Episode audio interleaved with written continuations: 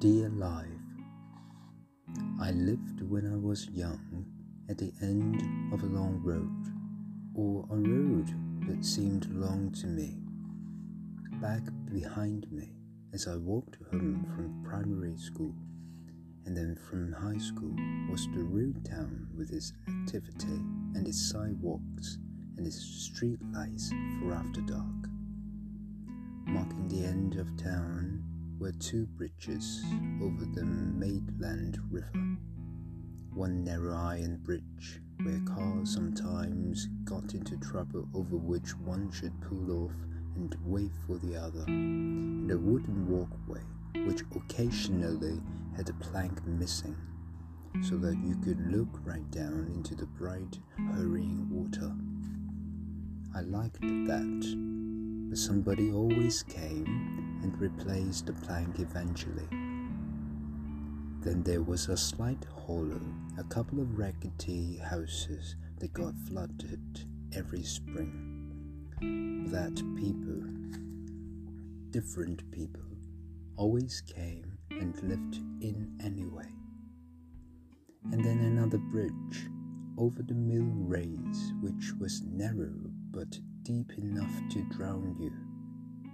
After that, the road divided, one part of it going south up a hill and over the river again to become a genuine highway, and the other jogging around the old fairgrounds to turn west. That westward road was mine.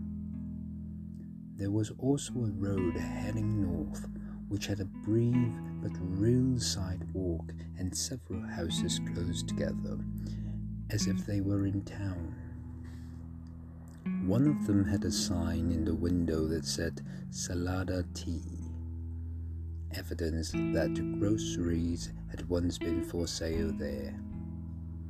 Then there was a school which I had attended for two years of my life and wished never to see again. After those years, my mother had made my father buy an old shed in town so that he would be paying down paying town taxes and I could go to the town school. As it turned out, she hadn't needed to do that because in the year, in the very month that I started school in town, war was declared with Germany and as if by magic, the old school, the school where bullies had taken away my lunch and threatened to beat me up, and when nobody seemed to learn anything in the midst of the uproar, had quieted down.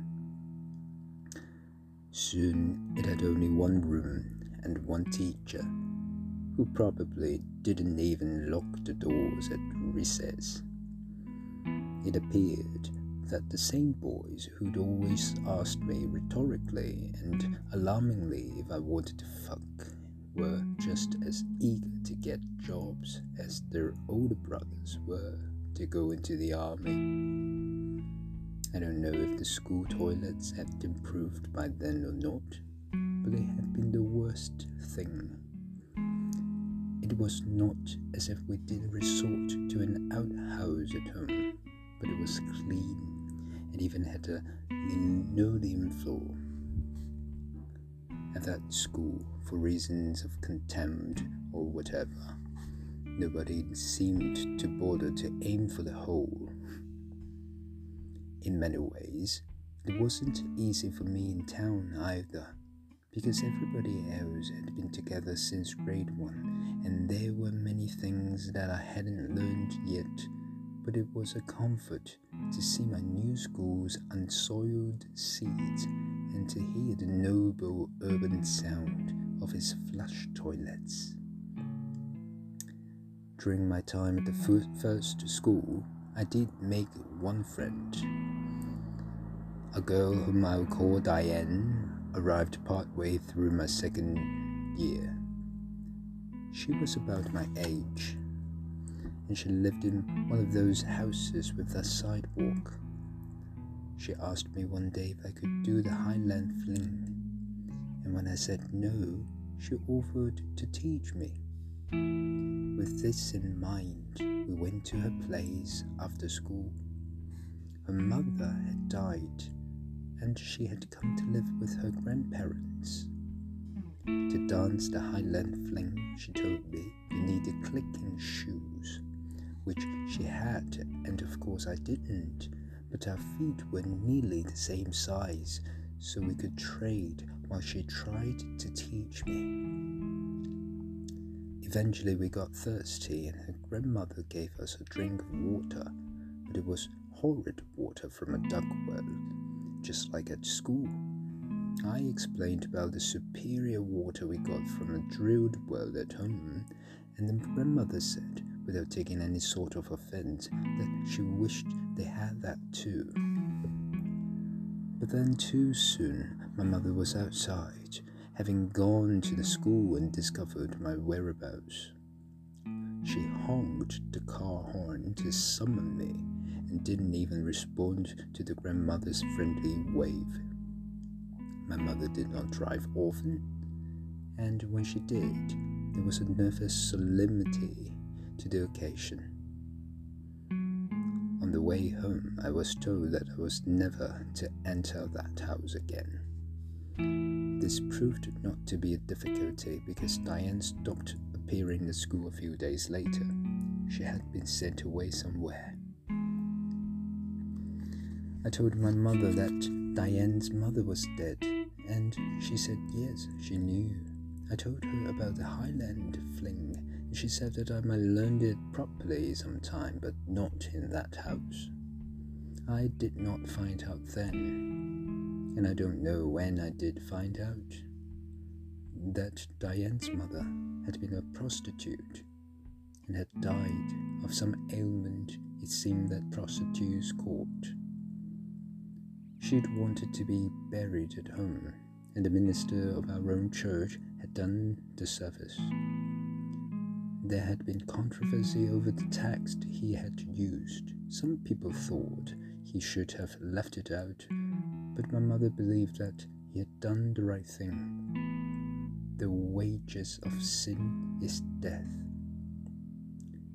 My mother told me this a long time later, or what seemed a long time later, when I was at the age, when I was at the stage of hating a good many things she said, and particularly when she used that voice of shuddering, even thrilled conviction. I kept running into the grandmother now and again. She always had a little smile for me. She said it was wonderful how I kept going to school, and she reported on Diane who also continued at school for a notable time, wherever she was, though not for as long as I did. According to her grandmother, she then got a job in a restaurant in Toronto where she wore an outfit with sequins on it. I was old enough at that point and mean enough to assume that it was probably a place where you also took the sequin outfit off. Diane's grandmother wasn't the only one who thought I was taking a long time at school. Along my road, there were a number of houses set farther apart than they would have been in town, but that still didn't have much in the way of property around them. One of them, on a small hill, belonged to Waitey Streets, a one armed veteran of the First World War. He kept some sheep and had a wife I saw only once in all those years when she was filling the drinking pail at the pump. Waitey liked to joke about the long time I had been at school and how it was a pity that I could never pass my exams and be done with it. And I joked back, pretending that was true. I was not sure what he really, really believed. This was the way you knew people on the road and they knew you. You'd say hello and they'd say hello and something about the weather. And if they had a car and you were walking, they would give you a ride. It wasn't like real country where people usually knew the insides of one another's houses and everybody had more or less the same way of making a living. I wasn't taking longer to finish high school than anybody else who went through the full five grades would do. But few students did that. Nobody expected in those days that the same number of people who entered high school in grade 9 would come out all stuffed with knowledge and proper grammar at the end of grade 13. People got part time jobs, and gradually those turned into full time jobs. Girls got married and had babies, in that order or the other. In grade 13, with only about a quarter of the original class left, there was a sense of scholarship, of serious achievement, or perhaps just a special kind of serene impracticality that hung on no matter what happened to you later. I felt as if I were a lifetime away from most of the people I had known in grade 9, let alone in that first school. In a corner of our dining room was something that always surprised me a little when I got out the Electrolux to clean the floor. I knew what it was a very new looking golf bag with the golf clubs and balls inside. I just wondered what it was doing in our house. I knew hardly anything about the game, I had my ideas about the type of people who played it. They were not people who wore overalls, as my father did, though he put on better work pants when he went downtown. I could, to some extent, imagine my mother getting into the sporty kind of clothes you would have to wear, tying a scarf around her fine, blowing hair, but not actually trying to hit a ball into a hole. The frivolity of such an act was surely beyond her. She must have thought differently at one time. She must have thought that she and my father were going to transform themselves into a different sort of people, people who enjoyed a degree of leisure, golf, dinner parties. Perhaps she had convinced herself that certain boundaries were not there she had managed to get herself off a farm on the bare Canadian shield, a farm much more hopeless than the one my father came from. And she had become a school teacher who spoke in such a way that her own relatives were not easy around her. She might have got the idea that after such striving she would be welcomed anywhere. My father had other ideas, it wasn't that he thought that town people or any people were actually better than he was, but he believed perhaps that was what they were thinking, and he preferred never to give them a chance to show it. It seemed that, in the matter of golf, it was my father who had won. It wasn't as if he'd been content to live the way his parents had expected him to live, taking over their descent farm. When he and my mother left their communities behind and bought this plot of land at the end of a road near a town they didn't know, their idea was almost certainly to become prosperous by raising silver foxes and later on mink. As a boy, my father had found himself happier following a trap line than helping on the farm or going to high school, and richer too than he had ever been before. And this idea had come upon him, and he had taken it up as he thought for a lifetime. He put what money he had collected into it, and my mother contributed her teacher's savings. He built all the pens and shelters in which the animals would live and put up the wire walls that would contain their captive lives. The plot of land, 12 acres large, was the right size with a hayfield and enough pasture for our own cow and whatever old horses were waiting to be fed to the foxes. the pasture ran right down to the river and had 12 elm trees shading it. There was quite a lot of killing going on now that I think of it. The old horses had to be turned into meat, and the fur bearing animals culled every fall to leave just the breeders. But I was used to this and could easily ignore it all, constructing for myself a scene that was purified to resemble something out of the books I liked, such as Anne of Green Gables or Pat of Silver Bush. I had the help of the elm trees which hung over the pasture, and the shining river, and the surprise of a spring that came out of the bank above the pasture, providing water for the doomed horses and the cow, and also for me out of a tin mug I brought there. Fresh manure was always around, but I ignored it, as Anne must have done at Green Gables.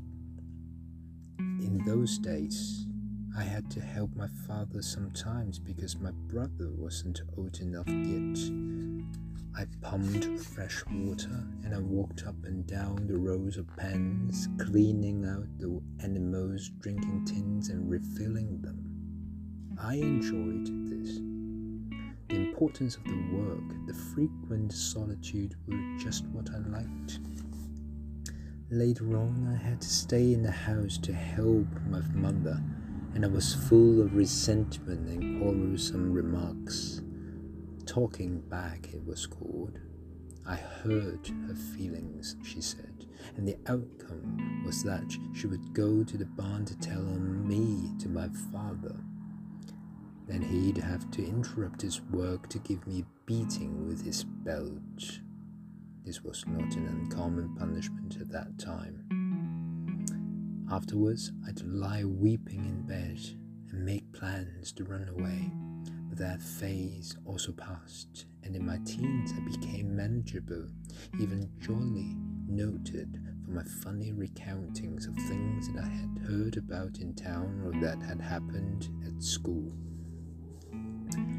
Our house was of a decent size we didn't know exactly when it had been built, but it had to be less than a century old because 1858 was the year the first settler had stopped at a place called Bodmin, which had now disappeared, built himself a raft, and come down the river to clear trees from land that later became a whole village. That early village soon had a sawmill and a hotel and three churches and a school, the same school that was my first and so dreaded by me. Then a bridge was built across the river, and it began to dawn on people how much more convenient it would be to live over on the other side, on higher ground and the original settlement dwindled away to the disreputable and then just peculiar half village that I have spoken of. Our house would not have been one of the very first houses in that early settlement because it was covered with brick and they were all just wood, but it had probably gone up not long afterwards turned his back on the village. It faced west across slightly downsloping fields to the hidden curve where the river made what was called the Big Bend. Beyond the river was a patch of dark evergreen trees, probably cedar, but too far away to tell. And even farther away, on another hillside, was another house, quite small at that distance, facing ours, that we would never visit or know, and that was to me like a dwarf's house in a story. But we knew the name of the man who lived there, or had lived there at one time, for he might have died by now. Roly Grain, his name was and he does not have any further part in what I'm writing now. in spite of his troll's name, because this is not a story, only life. My mother had two miscarriages before she had me. So when I was born in 1931, there must have been some satisfaction. But the times were getting less and less promising. The truth was that my father had got into the fur business just a little too late. The success he'd hoped for would have been more likely back in the mid 20s when furs were newly popular and people had money. But he had not got started then. Still, he survived right up to and through the war and even at the end of the war, there must have been an encouraging flurry, because that was the summer my father fixed up the house, adding a layer of brown paint over the traditional red brick. There was some problem with the way the bricks and boards were fitted. They did not keep out the cold as well as they were supposed to. It was thought that the coat of paint would help though I can't recall that mm. he ever did. Also, we got a bathroom, and the unused dumbwaiter became kitchen cupboards, and a big dining room with an open stairway changed into a regular room with enclosed stairs. That change comforted me in some unexamined way because my father's beatings of me had taken place in the old room, with me wanting to die for the misery and shame of it all. Now, the difference in the setting made it hard even to imagine such a thing happening. I was in high school and doing better every year as activities like hand stitching and writing with a strict pen were left behind and social studies became history and you could learn Latin. After the optimism of that season of redecoration, however, our business dried up again, and this time it never came back. My father pelted all the foxes and the mink and got what shockingly little money he could for them. Then he worked by day pulling down the sheds where that enterprise had been born and had died before heading off to take the five o'clock watch in the foundry. He would not come home until around midnight. As soon as I got home from school, I went to work making my father's lunch. I, tr- I fried two slices of cottage roll and put lots of ketchup on them. I filled his thermos with strong black tea. I put in a bran muffin with jam on it, or perhaps a heavy piece of homemade pie. Sometimes on Saturdays I made a pie, and sometimes my mother did, though her baking was getting to be unreliable. Something had come upon us that was even more unexpected and would become more devastating than the loss of income, though we didn't know it yet. It was the early onset of Parkinson's disease, which showed up when my mother was in her 40s. At first, it was not too bad. Her eyes only rarely turned up into her head in a wandering way, and the soft down from an oversupply of saliva was just visible around her lips. She could get dressed in the mornings with some help, and she was able to do occasional chores around the house. She held on to some strength in herself for a surprisingly long time. You would think that this was just too much, the business gone, my mother's health going. It wouldn't do in fiction. But the strange thing is that I don't remember that time as unhappy. There wasn't a particularly despairing mood around the house. Maybe it was not understood then that my mother wouldn't get any better, only worse. As for my father, he had his strength and would have it for a long time yet. He liked the men he worked with at the foundry, who were for the most part men like himself who'd had some sort of downturn or extra burden added to their lives. He liked the challenging work he did in addition to being the early night watchman. That work involved pouring molten metal into molds. The foundry made old fashioned stoves that were sold all over the world. It was a dangerous job, but it was up to you to look out, as my father said. And there was decent pay, a novelty for him. I believe he was glad to get away, even to do this hard and risky work, to get out of the house and into the company of other men who had their own problems but made the best of things. Once he was gone, I'd start on supper. I could make things that I thought were exotic, like spaghetti, omelets, as long as they were cheap and after the dishes were done, my sister had to dry them, and my brother had to be nagged into throwing the dishwater out over the dark field. I could do that myself, but liked giving orders.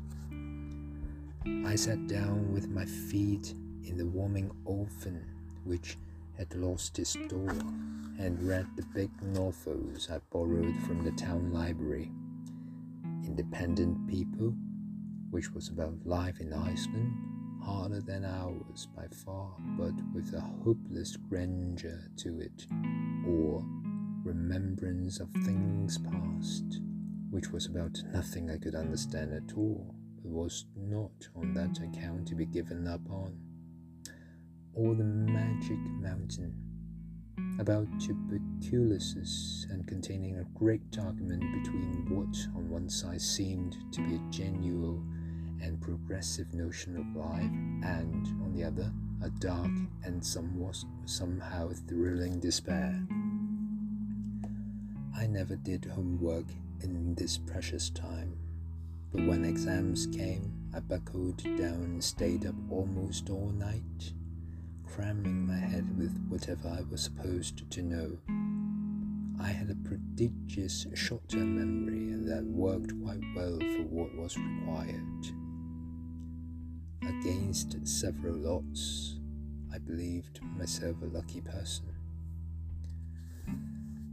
Sometimes my mother and I talked, mostly about her younger days.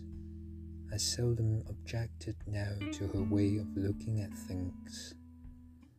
Several times she told me a story that had to do with a house that now belonged to the war veteran named Waitey Streets the man who marveled at the length of time it was taking me to get through school. The story was not about him, but about someone who had lived in that house long before he did, a crazy old woman named Mrs. Netterfield. Mrs. Netterfield had had her groceries delivered, as we all did after ordering them over the phone. One day, my mother said the grocer forgot to put in her butter or she forgot to order it. And when the delivery boy was opening the back of the truck, she noticed the mistake and became upset. And she was prepared in a way. She had her hatchet with her and she raised it as if to punish the grocery boy, though of course it wasn't his fault and ran up to the driver's seat and pulled off without even closing the back doors. Some things about this story were puzzling, though I didn't think about them at the time, and neither did my mother. How could the old woman have been sure already that the butter was missing in the load of groceries? And why would she have come equipped with a hatchet before she knew there was any fault to find. Did she carry it with her at all times in case of provocations in general? Mrs. Netterfield was said to have been a lady when she was younger. There was another story about Mrs. Netterfield that had more interest because it featured me and took place around our house. It was a beautiful day in the fall. I had been set out to sleep in my baby carriage on the little patch of new lawn. My father was away for the afternoon, perhaps helping out his father on the old farm, as he sometimes did, and my mother was doing some clothes washing at the sink. For a first baby, there was a celebratory load of neatwear, ribbons, things to be washed carefully by hand in soft water. There was no window in front of my mother, and she washed and wrung things out at the sink. To get a look inside, you had to cross the room to the north window. That gave you a view of the driveway which led from the mailbox to the house. Why did my mother decide to leave her washing and wringing out in order to look at the driveway? She was not expecting any company. My father wasn't late. Possibly she had asked him to get something at the grocery store, something she needed for whatever she was making for supper, and she was wondering if he would be home in time for her to make it.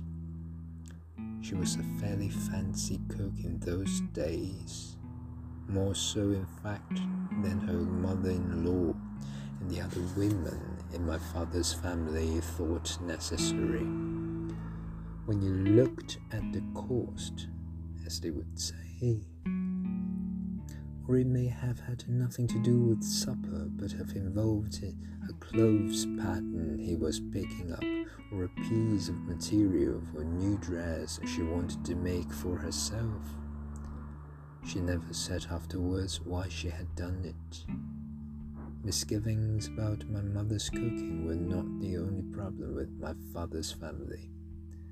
There must have been some discussion about her clothes too. I think of how she used to wear an afternoon dress, even if she was only washing things at the sink. She took a half hour nap after the noon meal and always put on a different dress when she got up. When I looked at photographs later on, I thought that the fashions of the time had not been becoming to her or to anybody. The dresses were shapeless, and bobbed hair did not suit my mother's full, soft face. But this would not have been the objection of my father's female relatives, who lived close enough to keep tabs on her. Her fault was that she did not look like what she was. She did not look as if she had been brought up on a farm, or as if she intended to remain on one. She did not see my father's car coming down the lane. Instead, she saw the old woman, Mrs. Netterfield. Mrs. Netterfield must have walked over from her own house, the same house where much later on I would see the one armed man who teased me, and just the one time his bob haired wife at the pump the house from which, long before I knew anything about her, the crazy woman had pursued the delivery boy with a hatchet on account of butter. My mother must have seen Mrs. Netterfield at various times before she saw her walking down Round Lane. Maybe they had never spoken. It's possible, though, that they had. My mother might have made a point of it, even if my father had told her that it was not necessary. It might even lead to trouble, was what he probably would have said. My mother had sympathy for people who were like Mrs. Netterfield as long as they were de- decent. But now she was not thinking of the friendliness or decency. Now she was running out the kitchen door to grab me out of my baby carriage she left the carriage and the covers where they were and ran back into the house, attempting to lock the kitchen door behind her. Front door she did not need to worry about, it was always locked. But there was a problem with the kitchen door. As far as I know, it never had a proper lock. There was just a custom at night of pushing one of the kitchen chairs against that door and tilting it with the chair back under the doorknob in such a way that anybody pushing it to get in would have made a dreadful clatter. A fairly haphazard way of maintaining safety, it seems to me, and not in keeping either with the fact that my father had a revolver in the house in a desk drawer. Also, as was natural in the house of a man who regularly had to shoot horses, there was a rifle and a couple of shotguns, unloaded, of course. Did my mother think of any weapon once she had got the doorknob wedged in place? Had she ever picked up a gun or loaded one in her life? Did it cross her mind that the old woman might just be paying a neighborly visit? I don't think so. There must have been a difference in the walk, a determination in the approach of a woman who was not a visitor coming down the lane, not making a friendly approach down that road. It is possible that my mother prayed, but never mentioned it. She knew that there was an investigation of the blankets in the carriage because just before she pulled down the kitchen door blind, she saw one of those blankets being flung out to land on the ground. After that, she did not try to get the blind down on any other window, but stayed with me in her arms in a corner where she could not be seen. No decent knock on the door but no pushing at a chair either, no banging or rattling. My mother in the hiding place by the dumb waiter, hoping against hope that the quiet meant the woman had changed her mind and gone home. Not so. She was walking around the house, taking her time, stopping at every downstairs window the storm windows, of course, were not on now in summer. She could press her face against every pane of glass. The blinds were all up as high as they could go because of the fine day. The woman was not very tall, but she did not have to stretch to see inside. How did my mother know this? It was not as if she were running around with me in her arms, hiding behind one piece of furniture after another, peering out, distraught with terror, to meet with the staring eyes and maybe a wild grin. She stayed by the dumb waiter. What else could she do? There was the cellar, of course. The windows were too small for anybody to get through them. But there was no inside hook on the cellar door, and it would have been more horrible somehow to be trapped down there in the dark if the woman did finally push her way into the house and came down the cellar steps. There were also the rooms upstairs, but to get there, my mother would have had to cross the big main room. That room where the beatings would take place in the future, but which lost its malevolence after the stairs were closed in.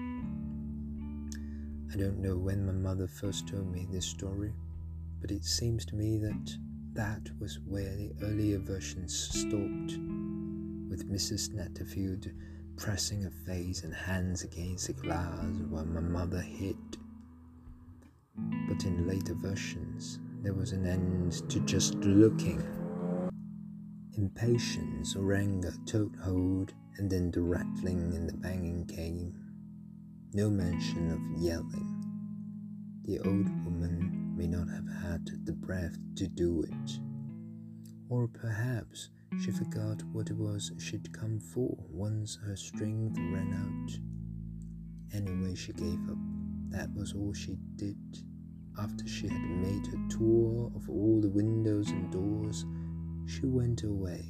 My mother finally got the nerve to look around in the silence and concluded that Mrs. Netterfield has gone somewhere else. She did not, however, take the chair away from the doorknob until my father came home.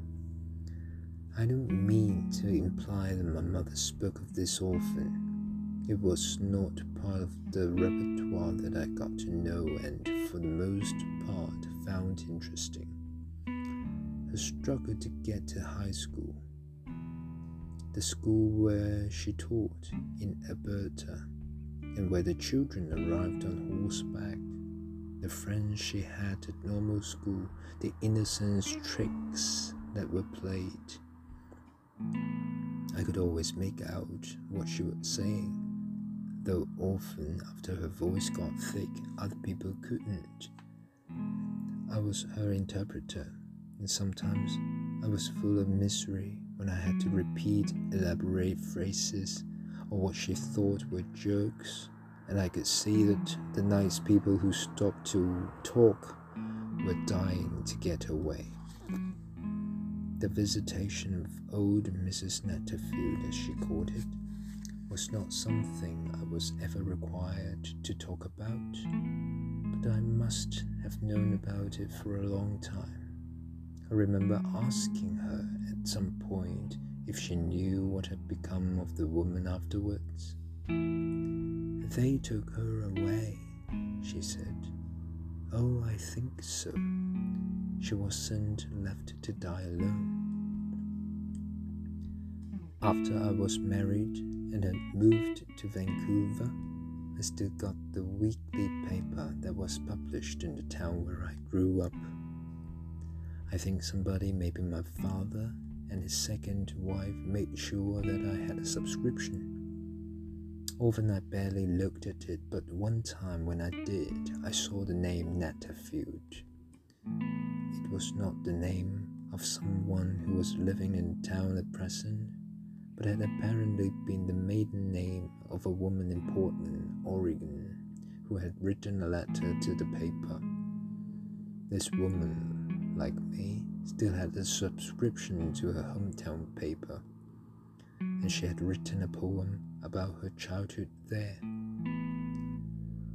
I know a grassy hillside above a river clear, a place of peace and pleasure, a memory very dear. There were several verses, and as I read, I began to understand that she was talking about the same river flats that I have thought belonged to me. The lines I'm enclosing were written from memories of that old hillside, she said. If they are worthy of a little space in your time honored paper, I thank you. The sun upon the river with ceaseless sparkles play, and over on the other bank are blossoms wild and gay. That was our bank, my bank. Another verse was about a stand of maples, but there I believe she was remembering it wrong. They were elms, which had all died of Dutch elm disease by now. The rest of the letter made things clearer. The woman said that her father, his name had been Netterfield, had brought a piece of land from the government in 1883 in what was later called the Lower Town. The land ran down to the Maitland River. Across the iris border stream the shade of maple spread, and on the river's watery field, white geese in flocks fed. She had left out, just as I would have done, the way the spring got muddied up and soiled all around my horse's hooves, and of course left out the manure.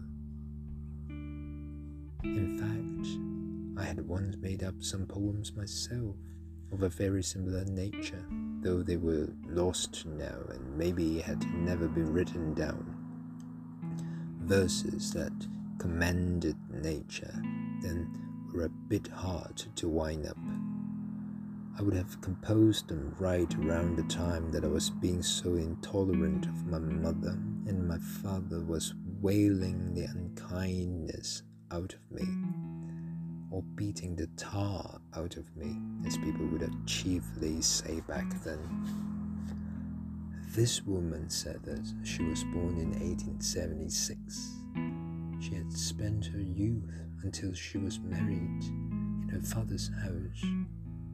It was where the town ended and the open land began, and it had a sunset view. Our house. Is it possible that my mother never knew this, never knew that our house was where the Netterfield family had lived, and that the old woman was looking in the windows of what had been her own home? It is possible. In my old age, I have become interested enough to bother with records and the tedious business of looking things up. And I have found that several different families owned that house between the time that the Netterfields sold it and the time that my parents moved in. You might wonder why it had been disposed of when that woman still had years to live? Has she been left a widow? Short of memory? Who knows? And who was it who came and took her away, as my mother said? Perhaps it was her daughter, the same woman who wrote poems and lived in Oregon. Perhaps that daughter, grown and distant, was the one she was looking for in the baby carriage. Just after my mother had grabbed me up, she said, for dear life. The daughter lived not so far away from me for a while in my adult life. I could have written to her, maybe visited, if I had not been so busy with my own young family and my own invariably unsatisfactory writing. But the person I would really have liked to talk to then was my mother, who was no longer available. I did not go home for my mother's last illness or for her funeral. I had two small children and nobody in Vancouver to leave them with. We could barely have afforded the trip, and my husband had a contempt for formal behavior. But why blame it on him? I felt the same. We say of some things that they can't be forgiven, or that we will never forgive ourselves, but we do. We do it all the time.